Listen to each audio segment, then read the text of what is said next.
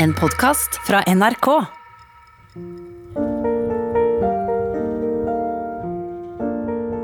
Midt i mai i fjor beslutta legene på nyfødtintensiv avdeling å skru av respiratoren som holdt liv i lille Tobias. Et kort og dramatisk liv gikk mot slutten. Dette er tredje del av podkasten om Tobias. Jeg heter Joakim Førsund.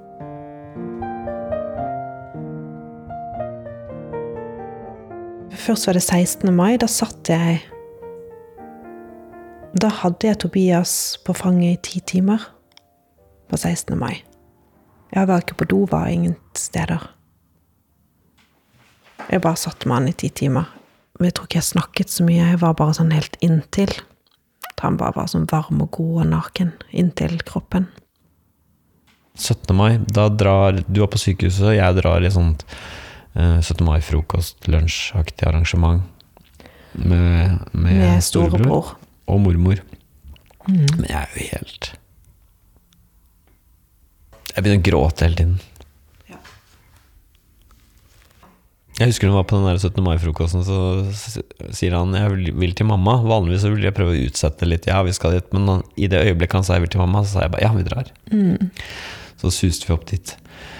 Så det var godt å komme opp der, da. Så det kommer en sånn liten to år gammel tass i bunad inn der, og jeg sitter med han lille babyen der på fanget, og han har en sånn, et sånn flagg, storebror, som han løper rundt i gangene på sykehuset med og roper sånn hurra, som han har skjønt det det man skal liksom si, og lager helt utrolig god stemning for alle. Det er så mange som liksom det, det lyser opp smil overalt, da, fordi det er å være på sykehus på 17. mai, det er jo liksom Da, da er det mest sannsynlig en litt tung tid. Så det at han suser rundt der og er så blid og søt, det er jo helt herlig, da.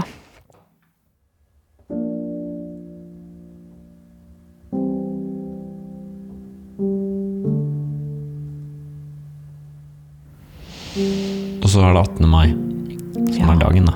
Ja, så var det 18. mai.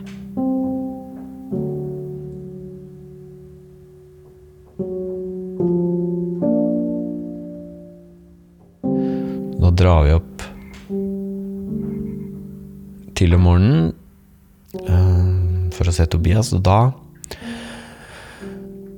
merker vi i rommet at uh, det er et eller annet som har foregått, og hun ene av de tre intensivsykepleierne som har vært med oss hele veien, hun, hun, hun skal gå av vakt når hun egentlig skal være der, for hun hadde sagt hun skulle være der, for vi hadde et veldig nært forhold til henne, fordi rett før vi kom, så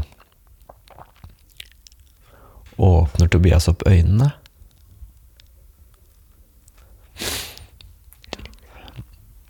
Var det så sterkt at hun øh, ikke orket?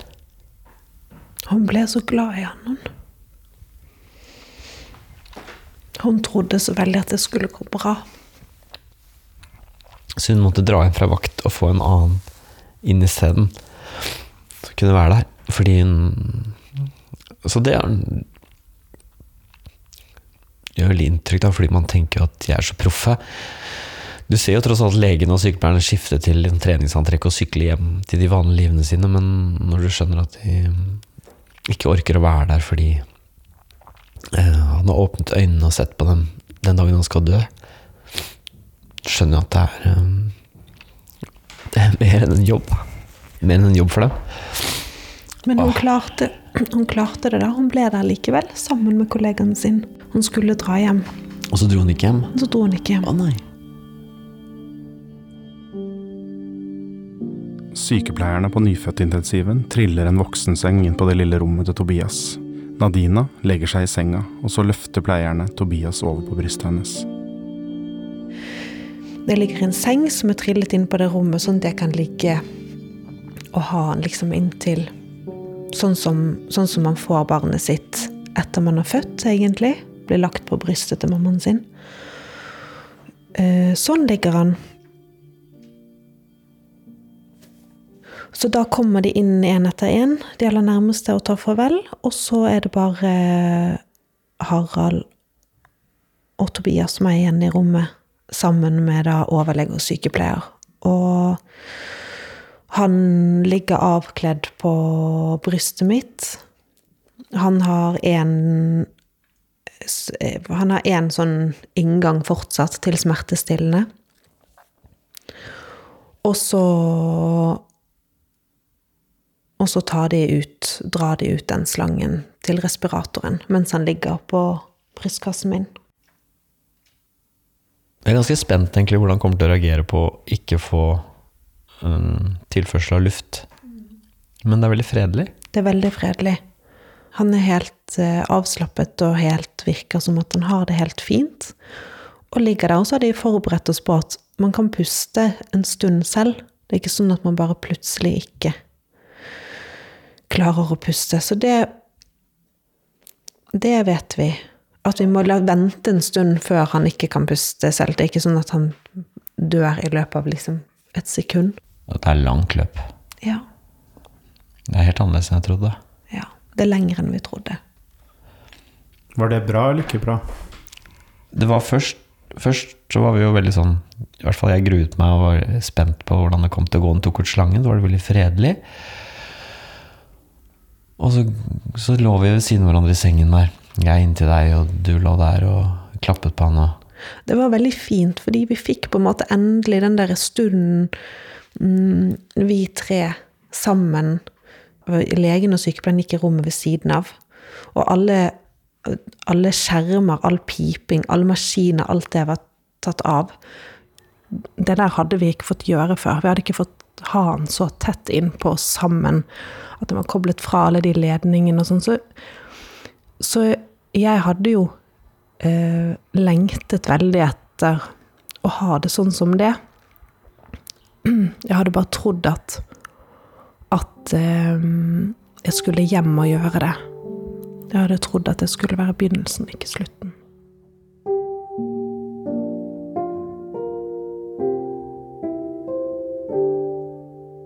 Det at det ikke var over så fort, gjorde liksom at det var sånn Ok, men vi kan ligge her og snakke litt om ting og klappe på han, og vi fikk liksom ha det ganske hyggelig, da. Vi gjorde det til en hyggelig stund, men så etter hvert så blir jo man litt sånn at timene går og går. fire er timer, en- fem timer. Mm, Det er jo en veldig, veldig, veldig, veldig altså, intens situasjon. Og så begynner jo å tenke litt sånn Ja, han kan jo puste selv. Det går jo. En slags sånn helt sånn urealistisk drøm om at han nesten tar alle de slangene så sier jeg, åh, det var godt til å få bort de der, for det har egentlig bare vært i veien. Ikke sant? Han, Dette går jo fint. Men da sier jo legen at nå dør han sakte, men sikkert. Så nå, Ja. Han får ikke nok oksygen. Nå er det etter hvert bare deler av hjernen og deler av musklene rundt lungene og hjertet som funker. Han puster jo helt sånn stille, men etter noen timer, kanskje fem, fem timer, seks timer, så begynner han å lage litt lyd.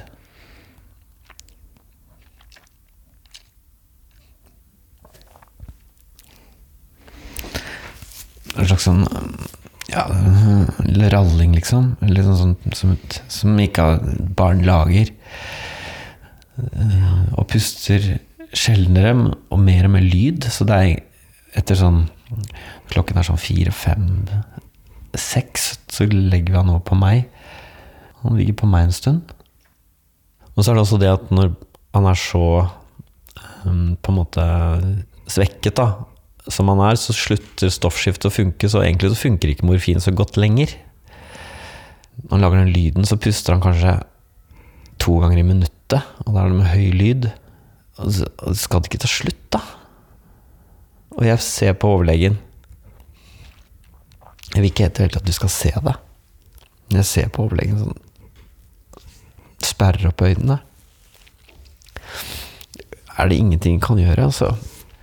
Skjønner jeg på det hun sier at jeg kan ikke gi han så mye morfin at han dør. Så jeg begynner jo etter hvert å kjenne på um, Jeg, jeg syns det er ganske fælt, for å si det rett ut, de siste timene her. Og så, klokka sju på kvelden, og da har det gått da åtte timer, tror jeg. Så ligger han på brystet mitt, og så er det, puster han tungt ut. Og så ser jeg At han blir helt hvit i ansiktet. Han død. Og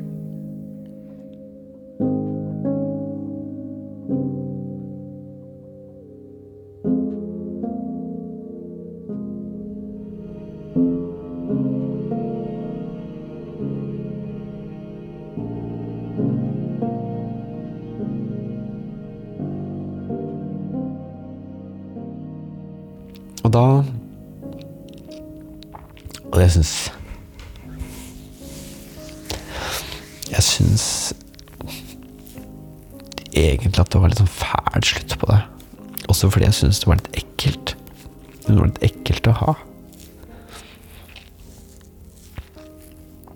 Å ha den lille sånn gutten der som liksom bjeffet liksom oppå brystet mitt. Så det plaga meg litt. Men da sa jo du til meg, da, heldigvis, kloke ting. Hvem sa hva? Nadina sa det. Ja, fordi Harald var liksom så opptatt av at den situasjonen hadde vært ekkel. At han hadde den barnet sitt oppå seg som døde. Det skulle være så fredelig og fint, og så var det liksom bare heslig. Mens jeg, det var mitt perspektiv var liksom mer sånn Ja, men vi Vi var jo der for han. Det var ikke sånn at han bare lå oppå deg og døde. Men Du passet på gutten din da. Det måtte du jo gjøre. Så det var jo veldig viktig. Det var derfor vi var der. Det var, det var, det var ikke Det var helt nødvendig. Det var, det var det som var situasjonen. At vi var der og passet på han. Og du passet på han. Ja. Og han fikk ligge inntil deg.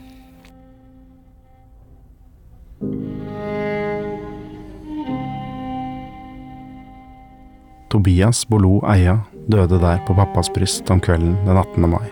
Klokka var fem over sju, og det hadde gått åtte timer siden respiratoren ble skrudd av.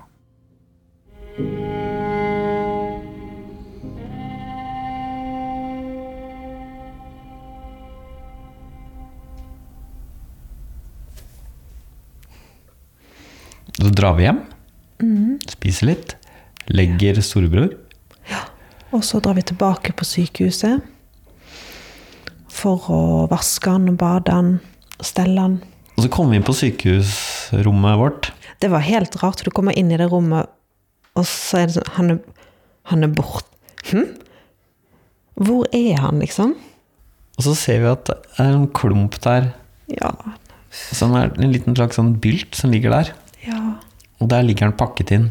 Det er en av sykepleierne som har svøpt den liksom så nydelig pakket den liksom pakket den strammet inn i noen veldig fine som tepper og pledd og lagt den han, der, Han ser meg som en Herregud, for en nydelig liten liten gutt. Da har han fått av seg alle greiene. Da kunne vi endelig se fjeset ordentlig, sant? fordi han hadde hatt så mye greier. Hver lille slange hadde jo en teipbit og en Altså, det var så mye forstyrrende ting i det fjeset hele tiden. Alt var tatt bort. Da kunne vi se det hvor utrolig fin Utrolig fin gutt han var. Da så vi at uh, operasjonsarren hadde grodd fint. da. Så da vasket vi Tobias. Det var jo også litt spent hvordan er det å holde et eh, dødt menneske og ditt eget døde barn. Men det var, ikke noe, det var ikke noe ekkelt eller noe. Og så bestemte vi oss for at eh, det skulle arrangeres en syning dagen etter, 19. Ja. mai. Så var en søndag, da. Hvorfor ville du det, da? Vi ville at folk skulle se han. At folk skulle huske han. da. Ja. Det er jo, vi fikk jo et barn da som vi hadde lyst til å dele med verden. Folk syns det er vanskelig, vet du. Da kommer de to som har mistet barn. Hva sier vi til dem? Men hvis de har vært der, sett det, så Og da gjorde du det veldig fint, da. du- Med hvite duker og hvite blomster og Men jeg tenker liksom jeg, jeg tenker på at jeg skulle vært der litt lenger etterpå. Etter alle, jeg skulle sagt litt tidligere nå må, nå må alle gå. For det ble veldig hyggelig, og jeg stappa fullt i det lille rommet. Ja. Og naborommet som vi også fikk Alle tilgang fikk til. både gul og rød saft kunne vi tilby på sykehusets eh, flotteste meny i sånn plastkopper og Marie-kjeks. Så det ble folk det var jo veldig sånn Jeg tror folk syntes det var veldig fint. Det var, det var jo det. Men da jeg viste ut siste gjest da, fra syningen og kom tilbake på rommet, da sto du lent over sengen og hulket. Ja. Ja, da gråt jeg. Det var litt eh, fordi Du gråt jo flere ganger, mange ganger i den prosessen, men jeg hadde ikke sett deg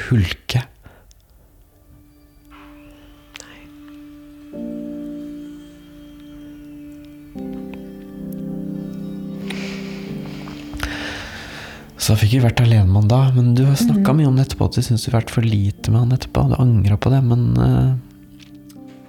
Men jeg tror Jeg vil jo bare ha det barnet mitt, da. Det er jo det som er. Jeg vil jo bare være litt til.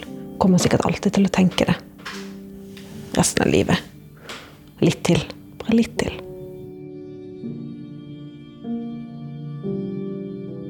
Selv om Nadina og Harald var helt utmatta etter to måneder på sjukehuset, var de påfølgende dagene plutselig full av nye gjøremål. For nå skulle Tobias bisettes. Det var viktig for meg at den begravelsen til Tobias ble fin. At eh, jeg kjente at selv om jeg var veldig sliten og, og egentlig bare hadde lyst til å sove hele tiden, så var Harald var god på å, å på en måte holde sånn driv i den lille gruppen som vi to var, for å arrangere den begravelsen. At det var sånn møte med begravelsesbyrå der, møte med den der, inn på blomsterbutikken sånn. Han sa liksom sånn 'nå må vi gjøre det, nå må vi gjøre det'. Uh, det praktiske var ikke jeg så god på, men det som var viktig for meg, var liksom at, at det ble fint. Hvorfor det?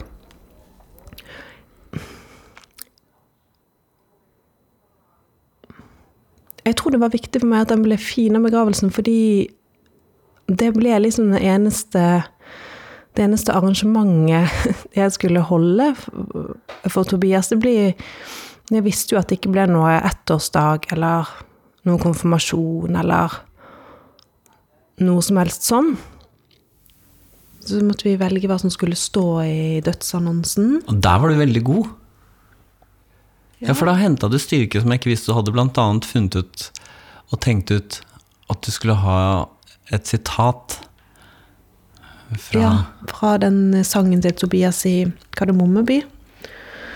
Den visen om været. Kommer vinden ifra vest, kan det bli en farlig blest. Den kommer veldig fort, så den nesten blåser bort.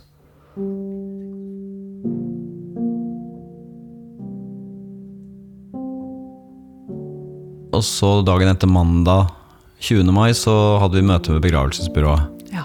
Så sier han skal vi se på kistene. Så må vi inn i det rommet hvor det er de barnekistene. Ja. Da var jeg litt bekymra for det. ass. Jeg syntes det var tungt. Ja. At du måtte se på de kistene, syns jeg var ille. De bitte små kistene var liksom ikke De er jo ikke hele inne i begravelsesbyrå og utstillingslokalet. De har bare tatt en liten sånn av en bit av det, så du får se liksom endestykket. Ja. Og endestykket på en stor kiste er jo én ting, men endestykket på en barnekiste bitte lite. Ja, det er veldig, veldig lite.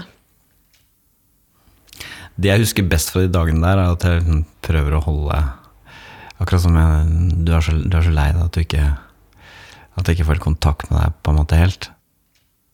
I den perioden der så var jeg øh, øh, Jeg hadde fortsatt ikke særlig matlyst.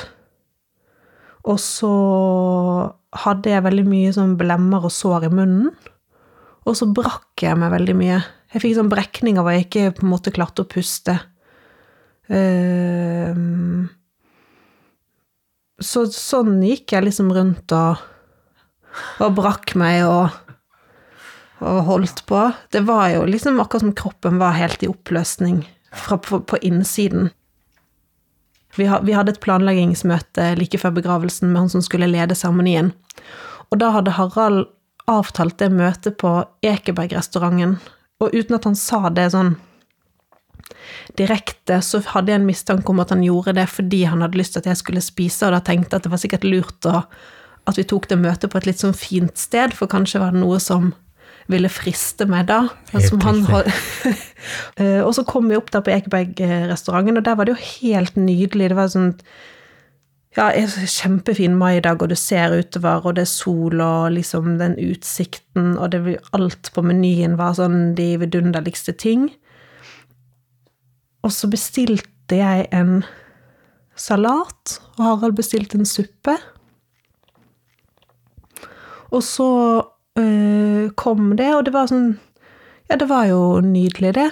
Men så kjente jeg ja, det, At den der salaten, alt det som bare så så fint ut Det var sånn, der, sånn som det er på fine restauranter, at den, hele salaten er pyntet med blomster, så det ser så fint ut. Men du klarer liksom Jeg klarte ikke å tygge, jeg klarte ikke å få det ned, så jeg begynte å, jeg begynte å gråte, for det var liksom så Det var så fortvilt at bare ingenting gikk. Og så sa Harald sånn, men kanskje vi bare skal Kanskje skal bytte? For det er kanskje lettere for deg å bare svelge den suppen som jeg har bestilt, istedenfor å tygge den der salaten og det brødet, og det er vanskelig for deg. Jeg kan Så- avsløre at jeg bestilte den suppen nettopp med tanke på at det kom til å bli et bytte. Det er sant, det visste jeg ikke. Og så byttet vi, men det som er på sånne eh, fine restauranter, er jo at det, man kan ikke gjøre sånne ting uten at kelneren får det med seg. Så selvfølgelig så kommer han søte kelneren bort til bordet og er sånn der eh, Ja, går alt fint her? Og kaster et blikk på nettopp det byttet som har skjedd. Og så har jeg Jeg kan ikke bare Jeg klarer ikke å si noe annet enn bare det som Sånn som det er. Så, så nei, den var Den var kjempefin, den salaten. Den bare Jeg er i sorg, så jeg, så jeg klarer visst ikke å tygge i dag. Og så sier så, Og så sier jeg ok, og så går han, og så var det liksom greit. Og sånn føltes det som at den tiden der var litt at nå, nå bare er det sånn som dette. Vær så god, liksom. Det får bare kelnere og alle mulige får bare tåle at nå er ting helt sånn.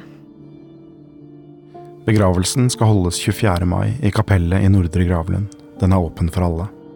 Harald deler annonsen, og sammen med den skriver han Takk for følget, kompis. Skulle gjerne blitt bedre kjent med deg. Vi står opp. Ja, vi står opp. Jeg Vi leverer storebror i barnehagen. Og så er det å kle seg opp, da. Hvordan var stemningen hjemme da? Bare sånn stille og konsentrert.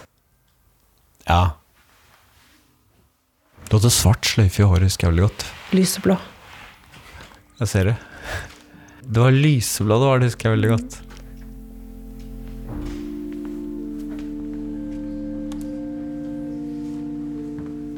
Så kommer vi inn i kapellet, og da må vi sitte på første rad. Da er vi jo ved, vi er fattet. Vi sitter ikke og gråter. Ja, men sånn, jeg snudde meg, og så er det sånn Å, der er du flydd inn fra Bergen, der kommer du, og der er den fra, den fra jobben, og her, hvordan vet du dette? Og nei, men har dere to Og så ser jeg liksom Og så var, syke, ja. var sykepleieren der fra intensivavdelingen. Ja. Fire. Ja, de Og- var jo så fine. Tenk at de kom.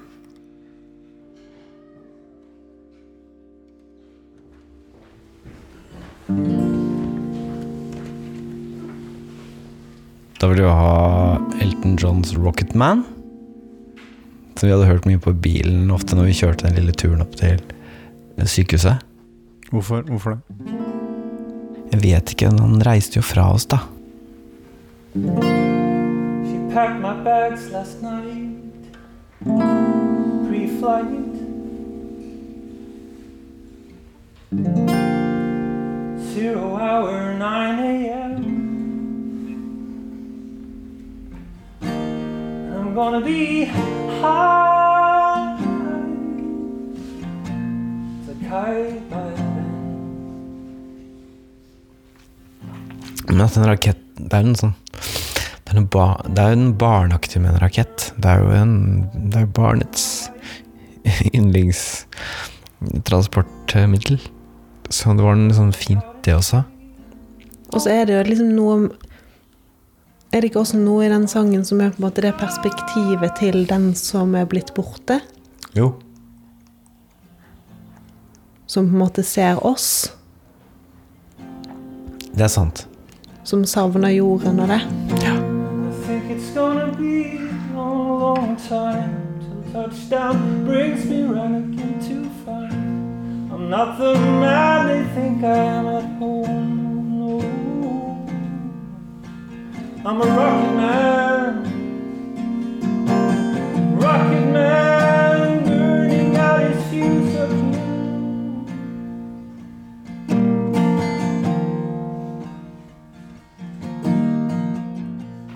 Vi sto jo sammen der oppe eh, ved siden av kisten i kapellet der da vi eh, holdt tallene våre. Var, du hadde sagt du må passe på så jeg ikke sånn Jeg husker ikke om du sa besvimer, men i hvert fall at du liksom At du faller sammen. Men du er jo Du sto veldig godt til det, da. Det var fint å kjenne. Du, du stoppet aldri opp, eller? Nei. Og jeg var også sånn, jeg tenkte sånn, jeg ville vært nervøs for kanskje å holde en tale, men det, det var så viktig, det var så utrolig viktig. Ja. Nå må bare si det sånn som det er, og dette er mitt barn, og det er mitt barn sin bisettelse. Det var liksom ingenting å være redd for lenger. Alt det farlige hadde skjedd, alt det verste hadde skjedd. Tobias, eldste lille gutt.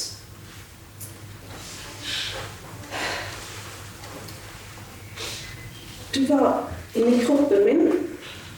Du var kroppen min. Og nå er det bare kropp. I hele ditt lille liv. Og så har jeg lengtet etter deg. Først, da du var inni magen, lengtet jeg etter at du skulle komme ut, sånn at jeg kunne kjenne på deg og bli kjent med deg. Men når du kom, helt plutselig for to måneder siden, så fortsatte jeg bare å lengte etter deg. For du var så syk at du ikke kunne være inntil meg. Tobias var jo barnet mitt, og, han, og jeg hadde sett på sykehuset hvor vanskelig livet hans var. Og hvor vondt han hadde det, og hvor strevsomt det var, og hvor mye plaget han var. Og det var ikke noe lett. Det var noe med å få sagt at det, det bare Stakkars han, da. Stakkars, stakkars han lille der. Det svir og brenner i hele kroppen. Og innimellom rekker jeg meg for ikke puste. Når sorgen er blytung å bære. Men det gjør meg ingenting. Det bryr jeg meg ikke noe om. Det eneste som betyr noe for meg, er at barnet mitt ikke har det vondt. Jeg elsker deg så høyt, Tobias. Jeg unner deg så veldig å hvile nå.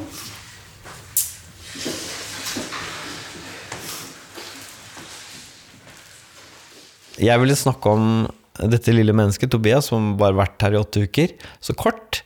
Har ikke fått uh, utretta noen ting.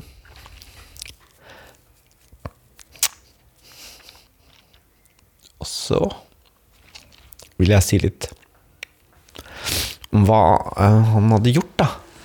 Selv om jeg er et uh, moderne, rasjonelt menneske som ikke tror på skjebne, eller at alt har en mening, så begynte likevel hodet å, å gruble. Fins det noen mening i dette? En syk gutt som ble plaget av tuber ned i halsen, operasjoner, av sprøytestikk, teip i ansiktet og medisiner, og som nesten ikke opplevde noen gleder, annet enn noen få, få verdifulle stunder. Mens bukken, eller fangen av dina, eller meg, eller når han ble vasket, drikka godt.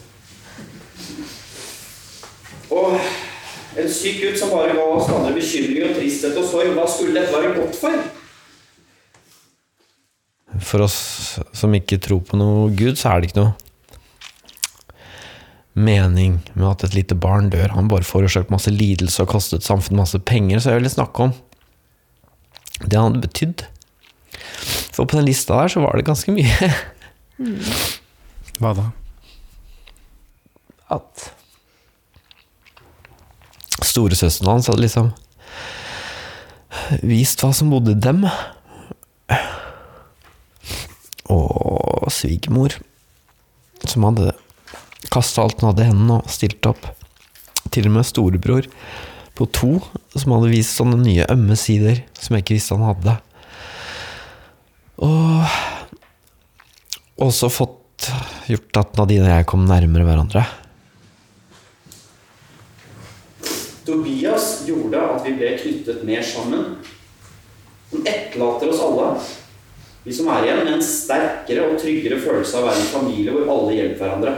Som kan tåle hva som helst. Og ikke minst, kompis, takket være deg har jeg fått en kjærlighet til moren din som er større enn det jeg trodde var mulig. Så Tobias rakk ikke å høre så mange sanger i sitt liv. Men en han ofte har hørt, er det vi kaller for Tobias vise, men som egentlig heter Visen om været. Vil at vi skal synge den sangen en siste gang fram. Og da vil vi at vi skal synge skikkelig på. Bård, du leder an. Vente litt først. Tobias vise.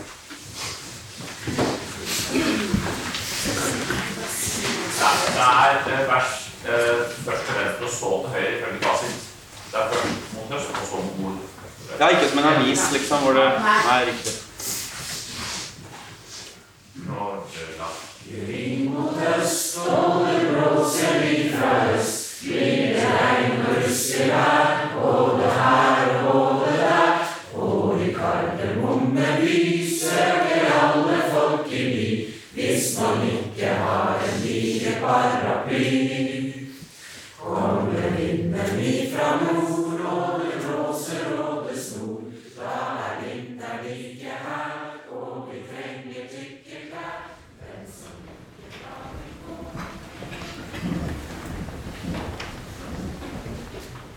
Den opprinnelige planen var at Nadina og Harald skulle gå bort til kista og bære Tobias sammen ut i den svarte bilen som sto og venta utafor.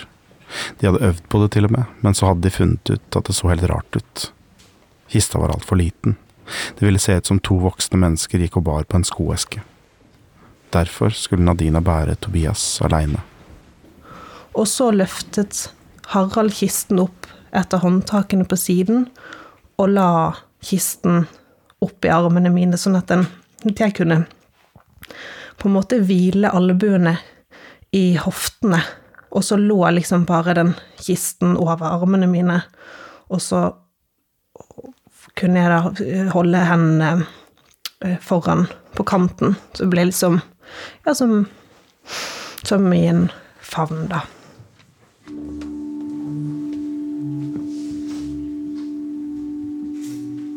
Og så støttet han meg, holdt rundt meg, mens vi gikk sammen ut. Og så kom da den nærmeste familien vår. Jeg tok ikke inn så veldig mye mer av hva som foregikk i det kapellet, eller hvem som gikk bak eller på siden, eller hvor blomstene var, eller liksom Det var på en måte bare å komme seg den strekningen frem til den bilen.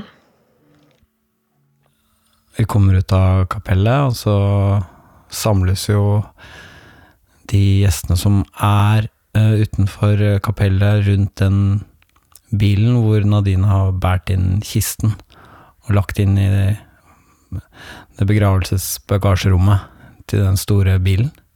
Men det er først Det er egentlig først når vi kommer Når vi snur, liksom er utenfor der, at vi ser hvor mange som har vært inne i kapellet, da. Det er utrolig mye folk. Du ser det liksom når de kommer ut. Det tar så lang tid før alle er ute. Og så er det regn. Det regner. Det er jo 24. mai. Så det er jo veldig grønt. Og så hadde De har kjøpt en sånn um, såpeboblemaskin til storebror, som, um, som de store storesøstrene hadde ansvar for å hjelpe han med.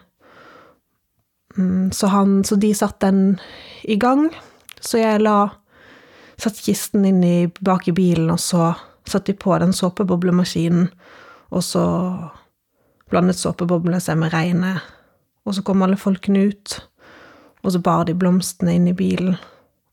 Den såpehullmaskinen er jo fin fordi alt i en sånn begravelse er jo svart.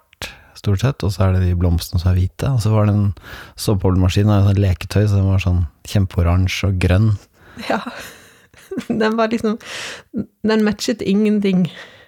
Men den var veldig fin. Det, ble, det var utrolig fint. Såpeboblene var fantastiske. Så da bilen kjørte, så var det liksom såpebobler overalt som blåste i vinden der, i alt det der mørke og tunge. Jeg tenkte at det var vakkert, da. Og at det på en eller annen måte så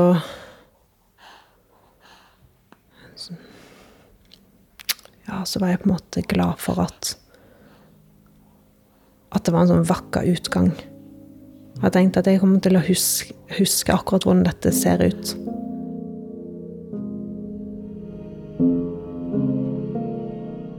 Så da kjører bilen nedover alleen fra kapellet, innom mot gravplassen, og så snur den til høyre og forsvinner ned den andre alleen.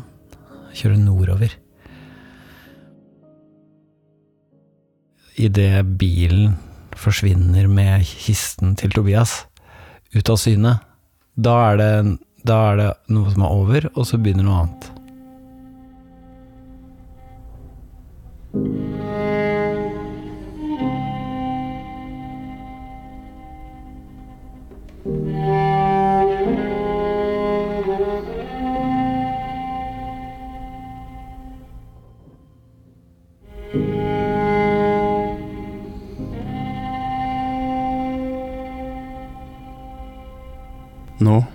Var borte. Nå skulle livet fortsette uten ham. Likevel har denne historien et kapittel til.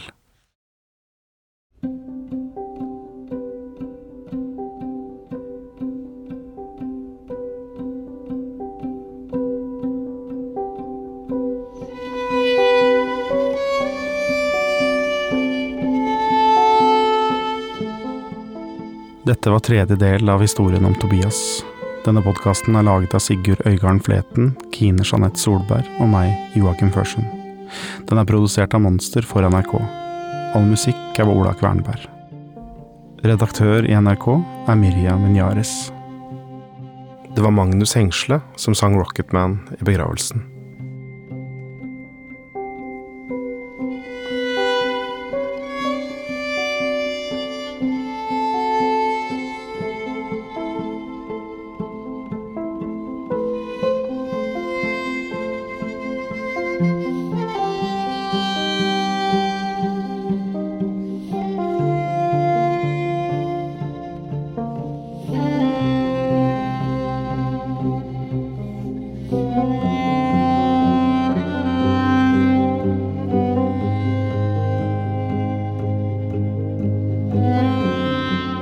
Hørt en podkast fra NRK.